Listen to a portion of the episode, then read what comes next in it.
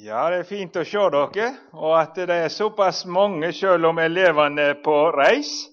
Det var jo fint.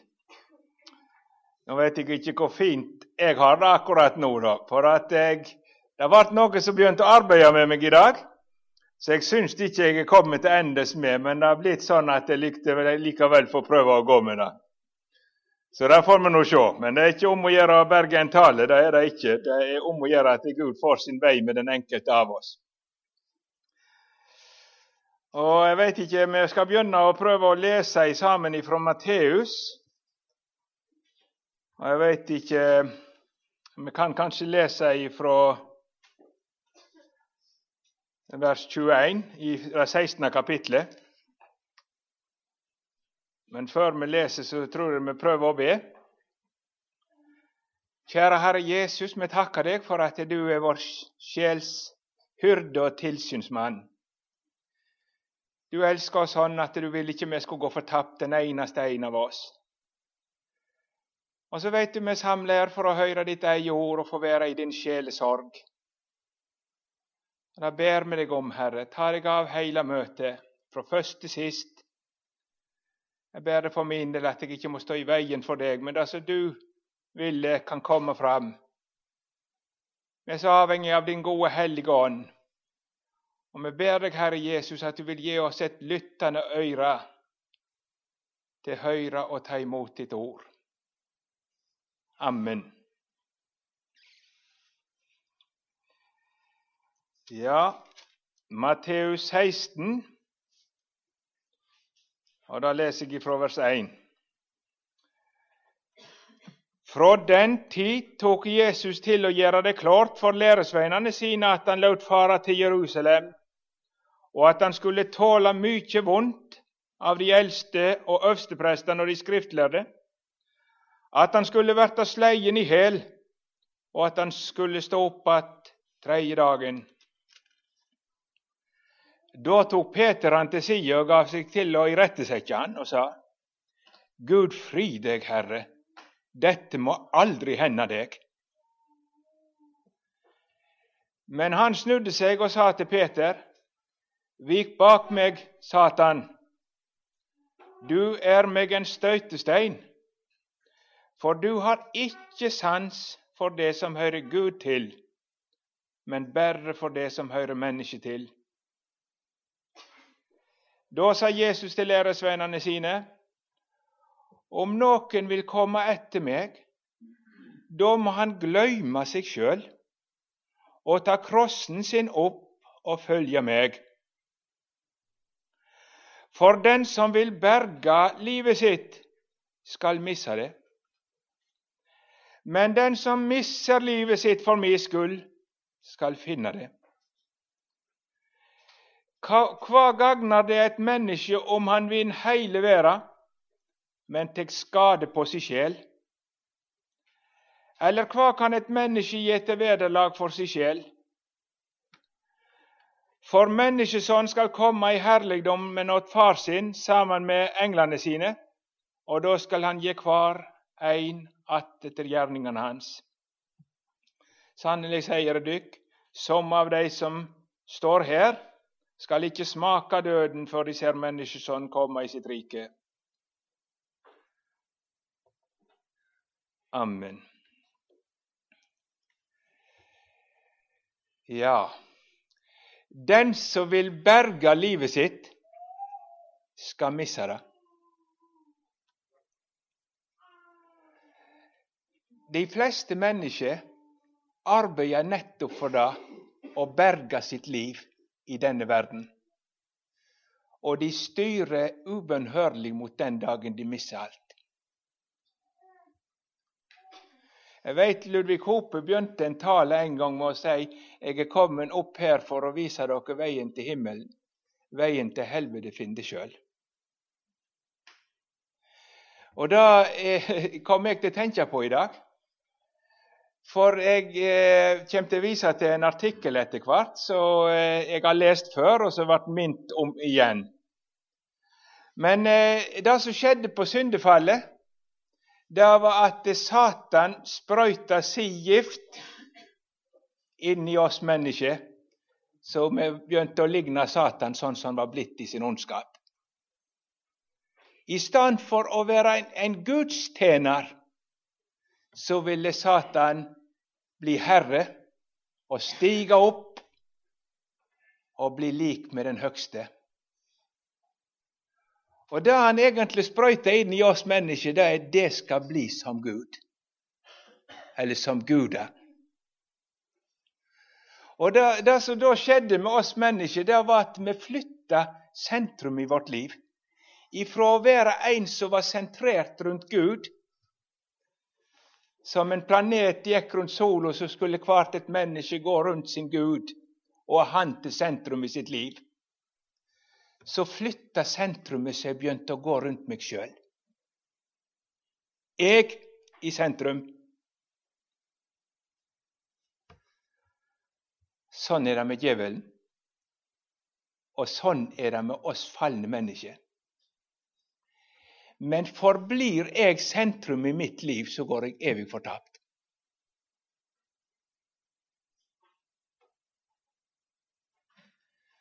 Og Derfor gjelder det om den som skal til himmelen, at han må miste sitt liv. Skal han berge det?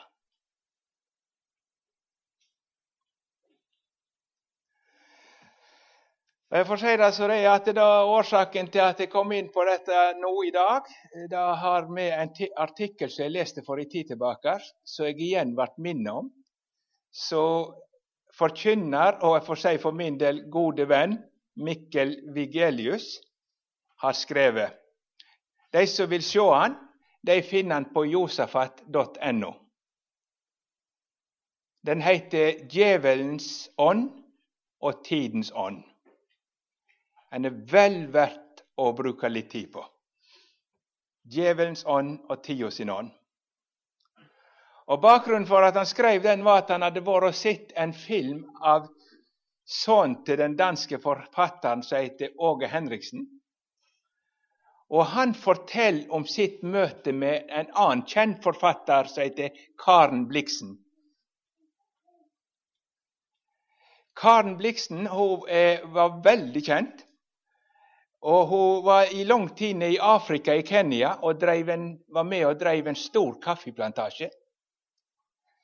Så sto, et stort område i Nairobi by kalles for, kalles for Bliksen, eller Karen Bliksens område.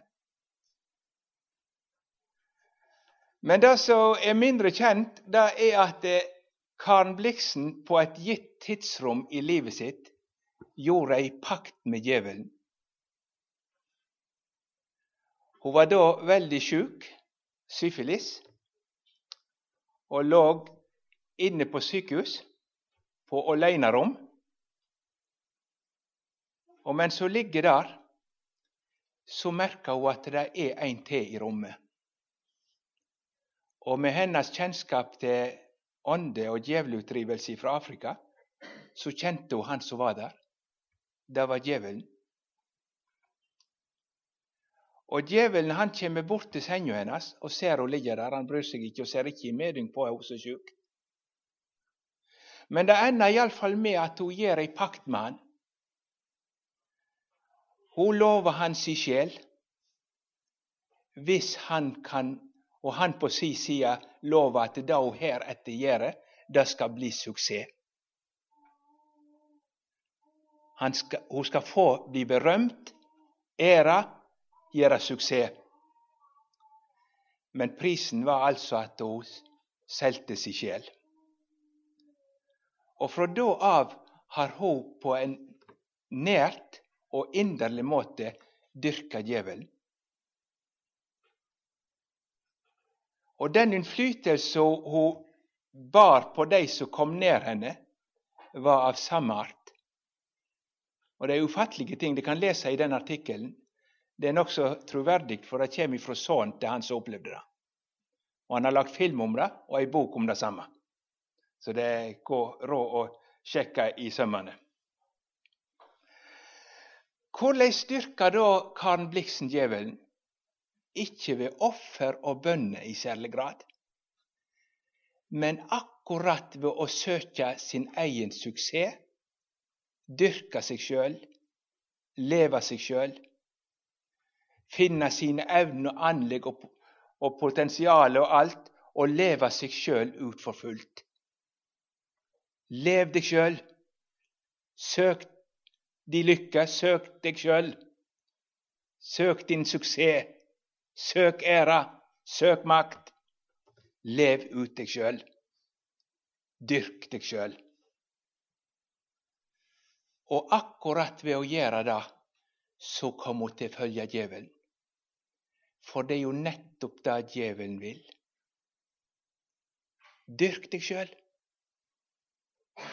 Søk din egen suksess. Eh, og så står det forskjellige ting om dette der. Hvordan det virka på henne. Og han som kom så nært innpå, som opplevde ufattelige ting, bl.a. når han var på det siste besøket med henne. Da var hun så sjuk at hun, hun, hadde bare 35 kilo, tror jeg, hun vog hele dama. Og da plutselig tar hun tak i han og vrir nakken hans ut av ledd, og ingen har kunnet hjelpe han etterpå. Et svakt døyende menneske som var så sterkt. Men det, skal ikke male ut det. Men eh, det er iallfall reelt at djevelen har makt. Og så viser det seg at den siktemålet som djevelen har, og det siktemålet som blir løfta opp i tida, det stemmer overens. Så tida sin ånd i uhyggelig grad ligner på akkurat det djevelen sier. Jeg kom til å tenke på et ord for med det samme, da, for å ta det med. Det er fra Efeserbrevet kapittel 2. Eh, der står det sånn ifra vers 1. Dykk òg har han gjort levende, det som var døde på grunn av misgjerningene og synden dykkar.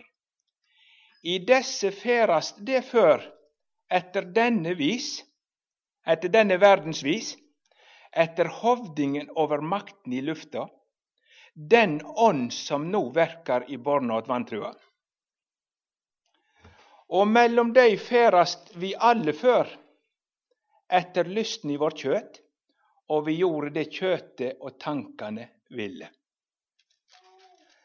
Her står det altså at de før følgde hans hovding over makten i lufta, og det er her et uttrykk for djevelen. Og det vil jo ikke et versligt menneske være med på. Jeg følger nå ikke djevelen likevel. Jo, de gjorde det nettopp ved å gjøre det kjøtet og tankene ville. Følger jeg det jeg sjøl vil etter syndefallet, så kommer jeg til å gjøre det djevelen vil. Og han sier, dyrk deg sjøl, Elsk deg sjøl. Søk din egen suksess. Bli rik. Bli æra. Bli populær. Bli berømt. Dyrk deg sjøl. Få mest mulig ut av livet ditt. Så dyrker du i virkeligheten djevelen. Det er det han vil. Han vil nemlig at du skal være ditt livs sentrum sjøl. Og Det som er så oppsiktsvekkende med, med den artikkelen òg, er at han da etter hvert tar for seg det som vanlige eh, ungdommer i vårt land hører på med telefonene sine eh, på eh, altså disse eh, musikkgreiene, og, og, ellers i livet. Og så finner han fram til eh, den lista ti på topp i dansk MTV, altså musikk-TV. Og så går han igjennom de som er på topp der. Og så beviser han fra ene til den andre hvordan de har solgt seg til djevelen. Og har akkurat dette budskapet som sitt hovedbudskap. Dyrk deg sjøl, lev ut dine lyster, søk din rikdom, søk din ære. Dyrk deg sjøl. Og fra det øyeblikket de solgte seg til djevelen, så fikk de suksess. Det høres ganske vilt ut, egentlig, og jeg er ikke den som pleier å ta sånne ting så mye sånn innover. Men det gjelder så framtredende eh, Lady Gaga, Rihanna, Beyoncé, eh, Eminem Disse som ligger på topp hele veien, kan sjøl fortelle om det. Og de har gjort det forskjellig, og han finner det fram der de har fortalt om hvordan de har solgt seg og er styrt av ei fremmed makt. Samtidig som de har tapt noe, så de skriker om hjelp av og til, men de sitter fast. Eh, til videre studie av det Mikkel Vigelius er ikke en sånn som fyker opp i lufta. Han er ganske edruelig. Men les den artikkelen og sett dere litt inn i det.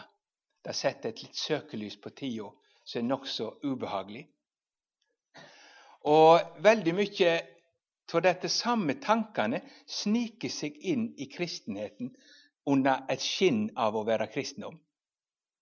Der det òg heter 'finn deg sjøl', 'dyrk deg sjøl', 'lev ut ditt potensial'. Veldig mye. Vel, det er altså djevelens ånd. Og Da kan vi tenke på eh, forskjellige Jeg har brukt et bilde av og til og har hatt det framme litt denne veka òg. Den måten de fanger apekatter på i rismarkene i Asia. Det har vært et sånt bilde som jeg har hatt med meg, for jeg syns det er så talende. Jo, eh, disse tjuvene var ute og ville stjele ris, og de fant en måte de skulle fange dem på. Små var de, og raske, så det var ikke godt å få tak på dem. Men de tok og hula ut et, et gresskar. Og så eh, batt de da gresskaret fast med kjetting, og så la de ris inni. Og hullet var så stort at når apen kom, så ville han ta hånda si inn, og så tok han ris. Og når han skulle ut igjen, så fikk han ikke hånda ut igjen. Der satt han i seksa. Og han kom seg ikke løs før de kom og tok han og knerte han. Sånn gjorde de det. Kunne han ikke komme løs? Jo, hvis han ville slippe det han hadde tak i. Men det var det han ikke ville. Og dermed satt han.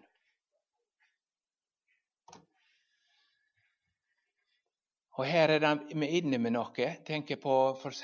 den unge, rike mannen hva skal jeg gjøre for å få evig liv? Og Jesus ser jo med en gang Kjenner han jo. Så vet samtalen litt ut gjennom. Og så til slutt sier han, selg det du har, så skal du få en skatt i himmelen. Kom så og følg meg. For Jesus sier det er én ting som hindrer denne mannen å følge meg. Det er ikke sånn at Jesus trodde han kunne bli frelst ved å selge rikdommen sin. Det skulle nok Jesus tatt seg av. Men skulle Jesus få gjøre det med denne mannen, så måtte han få han løs ifra det han hang i. Selg det du har. Og det makta han ikke slippe. Han ville så gjerne ha evig liv, men det var noe han heller ville. Og så satt han. Kunne ikke slippe rikdommen sin. Det kosta han useielig mye. Det kosta han hans sjel. Vi veit ingenting om han kom tilbake. Men det var noe som holdt han igjen når Jesus kalte han til seg, så han ikke makta bryte med. Og slik kan det jo nettopp være med deg som sitter her. For det ligger så mye i oss. Vi skal berge vårt liv i denne verden. Ære, rikdom, andre mennesker sitt gunst. Jeg kan jo ikke, for hva kommer de andre til å si? Og så prøver en å berge sitt liv, berge sin popularitet. Og det er jo trist når det blir sånn blant de troende. Ja, nå har det ei stund igjen før det skal inn i evigheten. Hva ønsker du å oppnå disse dagene du lever her? Hva er ditt livsmål du som sitter her? Er det å ha det godt? Er det å leve et luksusliv? Er det å få ære? Er det å få rikdom? Er det å ha det fint her? Det som kan tjene deg. Du kan nå det mål, men det har en pris. Du kommer til å tape din sjel. For du er ikke skapt til å være en som går rundt deg og ditt. Og gjør du det, så bommer du på målet. Vet du at ordet for synd er egentlig å bomme på målet? Du bommer på målet. Og Jesus måtte si til en slik som var havnet i fortapelsen Du fikk det gode du ønsket deg i din levetid. Her i denne verden. Hvis du får det gode du ønsker deg her i verden, så er du fortapt. Det er nettopp det djevelen vil. Det som du ønsker deg her i verden, søk det, le for det, dyrk det, og du kan kanskje få suksess. De som solgte seg til djevelen, de fikk suksess, så de kom på det høyeste og fikk seg et navn og ære. Men hva det kosta de? Der kosta de deres sjel. Du fikk ditt gode i din levetid.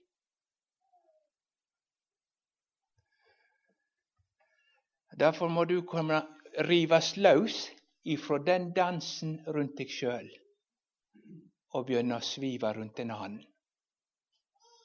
Og finne ditt liv i en annen. Det som kan tilfredsstille ditt hjerte i en annen. Og finner du det ikke der, så går det deg galt. Finner ikke du ditt livsmål utenfor deg sjøl, så går det deg galt. Og det er noe av det Herren ville snakke med oss om i dette ordet. Den som vil berge sitt liv, skal miste det. Ser du Esau? Ei heil rekke i Skriften du kan begynne å se. Hvem som ville berga sitt liv i denne verden, som mista sitt liv, sin evighet. Og så en gang må ropa for døve øre. Lut fattige. Det er ikke rom for bot.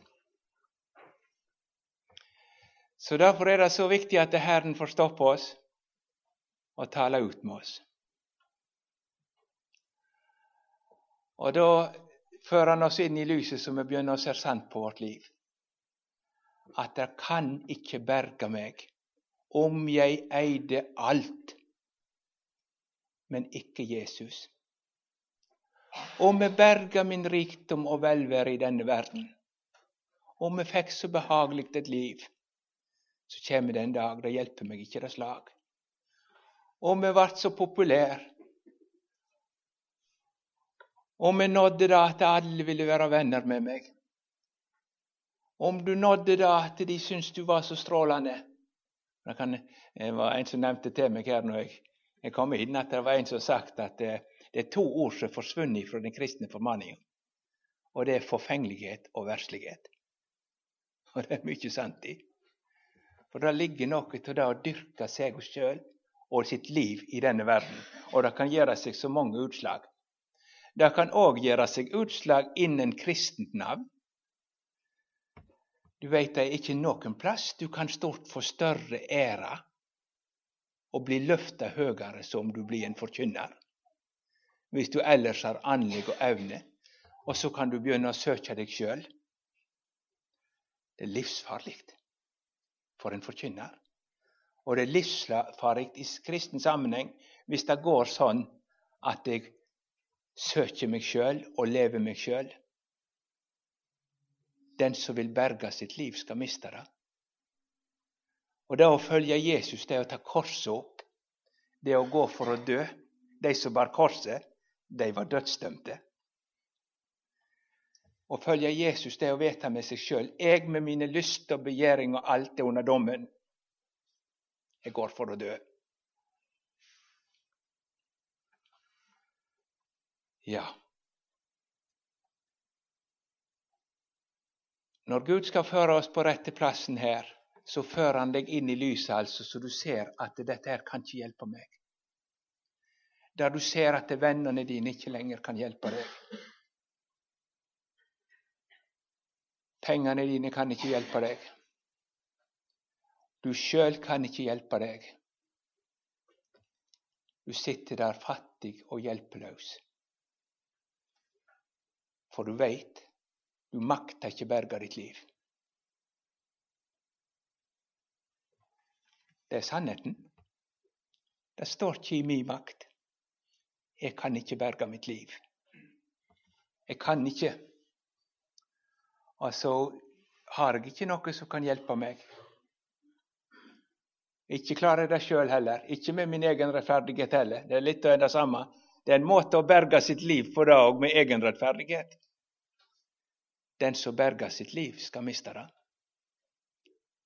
Men den som mister sitt liv for min skyld Og da er det så forunderlig når jeg ikke lenger kan berge meg så kommer Jesus forbi. Sånn som det står om i Esekiel 16, om den lille jenta som lå og sprelte i sitt blod. Og slengt ut på markene. De ville ikke skulle leve. Sånn var det med Israel. Ei stakkars liten jente som var født. Ingen stelte henne. Navlestrengen var ikke kutta og slengt ut på marka. De ville ikke skulle leve. Og så ligger babyen og spreller i sitt blod. Da står det så fint Da gikk jeg forbi, sier Herren, og så du lå og sprella ditt blod. Og jeg sa, du som ligger der og spreller ditt blod, lev. Og så tok han opp den vesle jenta og så tok han henne med seg hjem og stelte henne. Sånn går det for seg. Den som berge liv, vil berge sitt liv, skal miste det, men den som mister livet sitt for min skyld, skal finne det og så finner jeg et annet liv. Min Herre Jesus, en som elsker meg og har kjøpt meg, og makter å berge meg, og makta å ta ansvar for meg, så jeg kan få overlate min sjelesak og mitt liv i bedre hender. Jeg mista mitt liv, ja. Jeg er ikke lenger herre men jeg har fått overlate i den som eneste som kan ta vare på min sjel for evighet. Å, hvor godt det Det var dette de gamle kalte for å gå konkurs. Ja, ikke sant? Det hører jo om det. Nå er det visst noen som spekulerer i å gå konkurs, for de vil begynne på nytt. Og det er nå så. Men det var jo det mest vanærende når noen hadde ei bedrift, og så stelte de seg sånn at de, det ikke gikk. Og de kunne ikke svare regningene, og det øker opp, og til slutt så kommer de og sier nei, nå er det stopp. Du er uskikka til å drive forretningen. Og så måtte de overlate hele styret i andre sine hender. Det er noe underlig. Men det er jo det som er sant, folk. Det er jo det som er sant. Jeg er uskikka til å ta meg av mitt eget liv. Gjør jeg det, så går jeg fortapt. Og Da får vi slutte å be Fader vår sånn skje min vilje som i himmelen og på jorda. Det er å be om fortapelsen, da. Skje din vilje, står det. Ikke sant? Og hvor godt det er å få lov å overlate sitt fattige liv til en som bedre kan. Han vil ta seg av mitt liv. Han er den ansvarlige. Han er Herre. Og han veit å berge meg og han veit å styre mitt liv. Så enormt når mål. Han er blitt mitt livs sentrum. Det gode jeg fant, det feste jeg fant, det som ble livet. Og Nå er det ikke slik at de kristne er fri fra alle disse kjødelige ytringene eller det å ville leve seg sjøl. Det er stadig en kamp da. Å få leve der at jeg fornekter meg sjøl og tar korset opp og følger Jesus. Ikke hva Øyvind vil, men hva Jesus vil. Det er en stadig kamp. Men hvor salig det er likevel å få leve der. Har fått overlatt det til en annen. Og han kan med mitt liv. Og så er det ikke, som sagt ikke sånn at de kristne er fri da. Men det er én ting som er felles for de kristne. Nei, for all den ting jeg visste, kan jeg ei min Jesus miste. Det er han jeg er mest redd for å miste. For da har jeg ikke annet. Jeg, er jeg tror ikke jeg er sånn som er så motig at hvis det har vært snakk om å dø eller bli forfulgt, så var jeg så storarta glad at jeg kunne Ja, ja, det står om nåde til hjelp i rette tid. Det trøster jeg meg til stund. Så skulle det bli martyrtid, så kan det hende at det hadde sett litt annerledes ut for oss. Men la gå med det. Men når alt kommer til alt, så vet jeg det. Jeg kan dø. Det gjør ikke noe så lenge forhenget Jesus. Ankerfestet er ikke i Øyvind, men det er Jesus. Jeg er redd, sikkert redd for å dø, hva jeg skal si, men jeg er mer redd for å miste Jesus. For der har jeg livet funnet. Selv er jeg intet verd. Hva Jesus meg har givet, gjør meg for Gud så kjær. Og så er det så han Paul Gerhard synger i sangen. Du er og blir mitt hjertets lyst. Og når det brister i mitt bryst, skal du mitt hjerte være. I deg jeg ene roser meg, alt mitt jeg villig skjenker deg, til eie og til ære. Og derfor har den kristne etter sitt nye vesen én en eneste ting som betyr noe. For meg er livet Kristus. For meg er livet Kristus. Og jeg har lyst, kunne lyst til å snakke med dere som er pensjonister her. Du vet at det går an å begynne å dyrke seg sjøl som pensjonist. Dyrke seg sjøl. Det er så mange da at nei, nå har jeg tjent og slava og gjort så mye her i livet som ikke jeg hadde hatt lyst til. Og nå skal jeg bli pensjonist, og skal jeg virkelig slå vennene ut. Pass deg. Det skal du ikke. Nå har du bare ei lita stund igjen. Nå skal du helge din ende til Herren Jesus.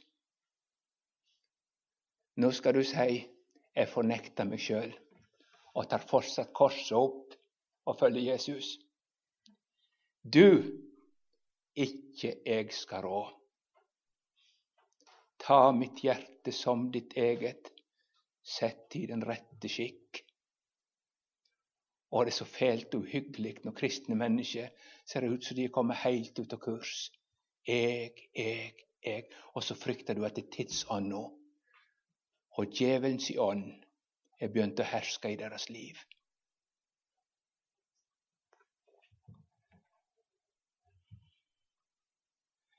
Ja, å være Jesus sin læresvein Nå skal jeg si det litt sånn, eh, kanskje litt forkjært på en måte, men jeg tror det er noe i å si det sånn. Det er nesten som en kontrakt. da. Ja. Der du frakjenner deg alle rettigheter til eget liv. Men der du samtidig Jesus lover jeg skal ta vare på ditt liv og din evighet. Overlat du livet til meg, så skal jeg ta vare på deg og føre deg. Så det beror jo på tillit. Og hvem skulle jeg ellers ha tillit til enn Han som elsker meg sånn at han døde for meg? Ingen kan heller ta vare på mitt liv. Ingen er som Jesus. Å, hvor godt å legge et fattig synderhjerte over i Frelseren og si ta vare på meg, du. Samtidig så vet jeg jeg sier fra meg alle rettigheter. Det betyr ikke lenger noe hva jeg mener. Det er Han som er Herre. Og så må jeg daglig inn der og ta korset opp. For jeg vil jo sette det ned igjen, ikke sant? Nei, nå vil jeg gjøre det jeg sjøl vil. Og så river jeg meg utover. Så må jeg daglig igjen ta korset opp og følge Han. Ja, hvor lenge kan jeg gjøre det, da? Så lenge jeg får se Han på korset som gikk føre. Han som kunne elske meg sånn at han døde for meg og ordna mi dårlige sak så den er god. Forunderlige Jesus at han kunne. Ja, det var vel omtrent så langt som jeg kan komme i denne timen. Mer eh, det ikke skikkelig, skikkeligere ble det ikke, skulle jeg til å si. Men jeg tror Gud har måttet talt med oss om noe veldig viktig. Den som vil berge sitt liv, skal miste det. Kanskje det er noen som sitter her, og det er noe som holder deg igjen. Det er noe du er så redd for å miste, som holder deg borte fra Jesus. Du kan godt få berga det. Jeg har tenkt på de som, som lever sammen med noen som ikke er på himmelvei. Og så tenker de at ja, men hvis jeg skulle følge Jesus, så må jeg bryte. Jeg er så redd for å miste det mennesket. Du kan godt klare å berge det mennesket, men prisen er ufattelig høy. Den som vil berge sitt liv, skal miste det. Eller du har sånn trang til å få det sånn og sånn i livet, du er så redd hvordan det skal gå hvis du ikke fikk styre. Du kan forsøke din suksess. Du kan forsøke å styre livet ditt men det er en uhyggelig pris. Du taper din sjel. Og så kommer Jesus en gang til å si til deg du fikk ditt gode i din levetid, i fortapelsen. Og Derfor vil Jesus inn nå og tale til deg, så du ser det er bare én ting jeg ikke kan unnbære, og det er min Herre Jesus. Bare én ting. Så konker du og så må du overlate boet til en annen. Jesus tar seg av mitt liv. Dette hadde jeg lyst til å minne dere om. Så kan vi samtale om det vi har hørt etterpå, og så kan du be over det og spørre deg inn for Guds ansikt. Og så gjentar jeg altså den adressa til den artikkelen som jeg nevnte, josafat.no. Eh, det er ikke direkte adresse, men der finner du artikkel av Mikkel Vigelius som heter 'Djevelens ånd og tidens ånd'. Det er verdt å bruke litt tid med den.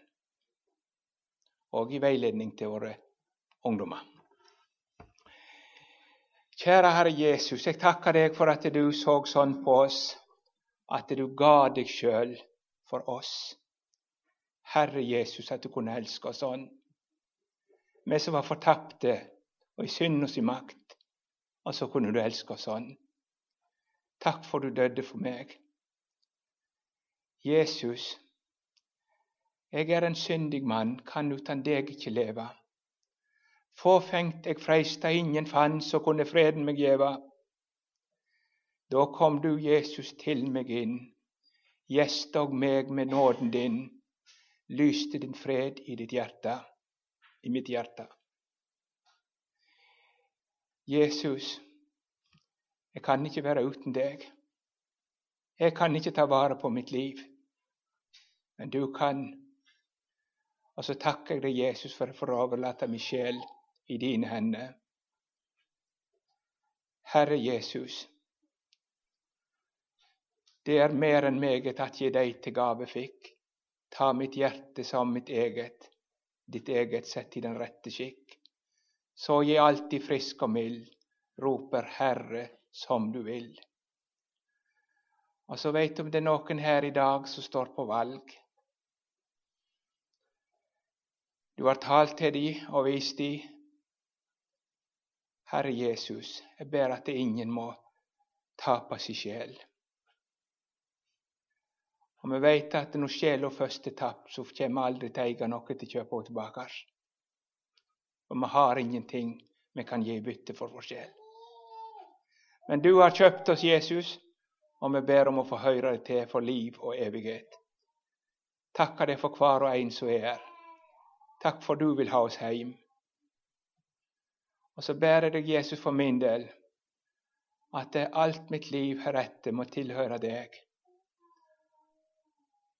Jeg evig din vil være. Du ofret deg for meg. Med lovsang vil jeg ære og høyt opphøye deg. For all din store nåde og rike kjærlighet. Du over meg skal råde i tid og evighet. Amen.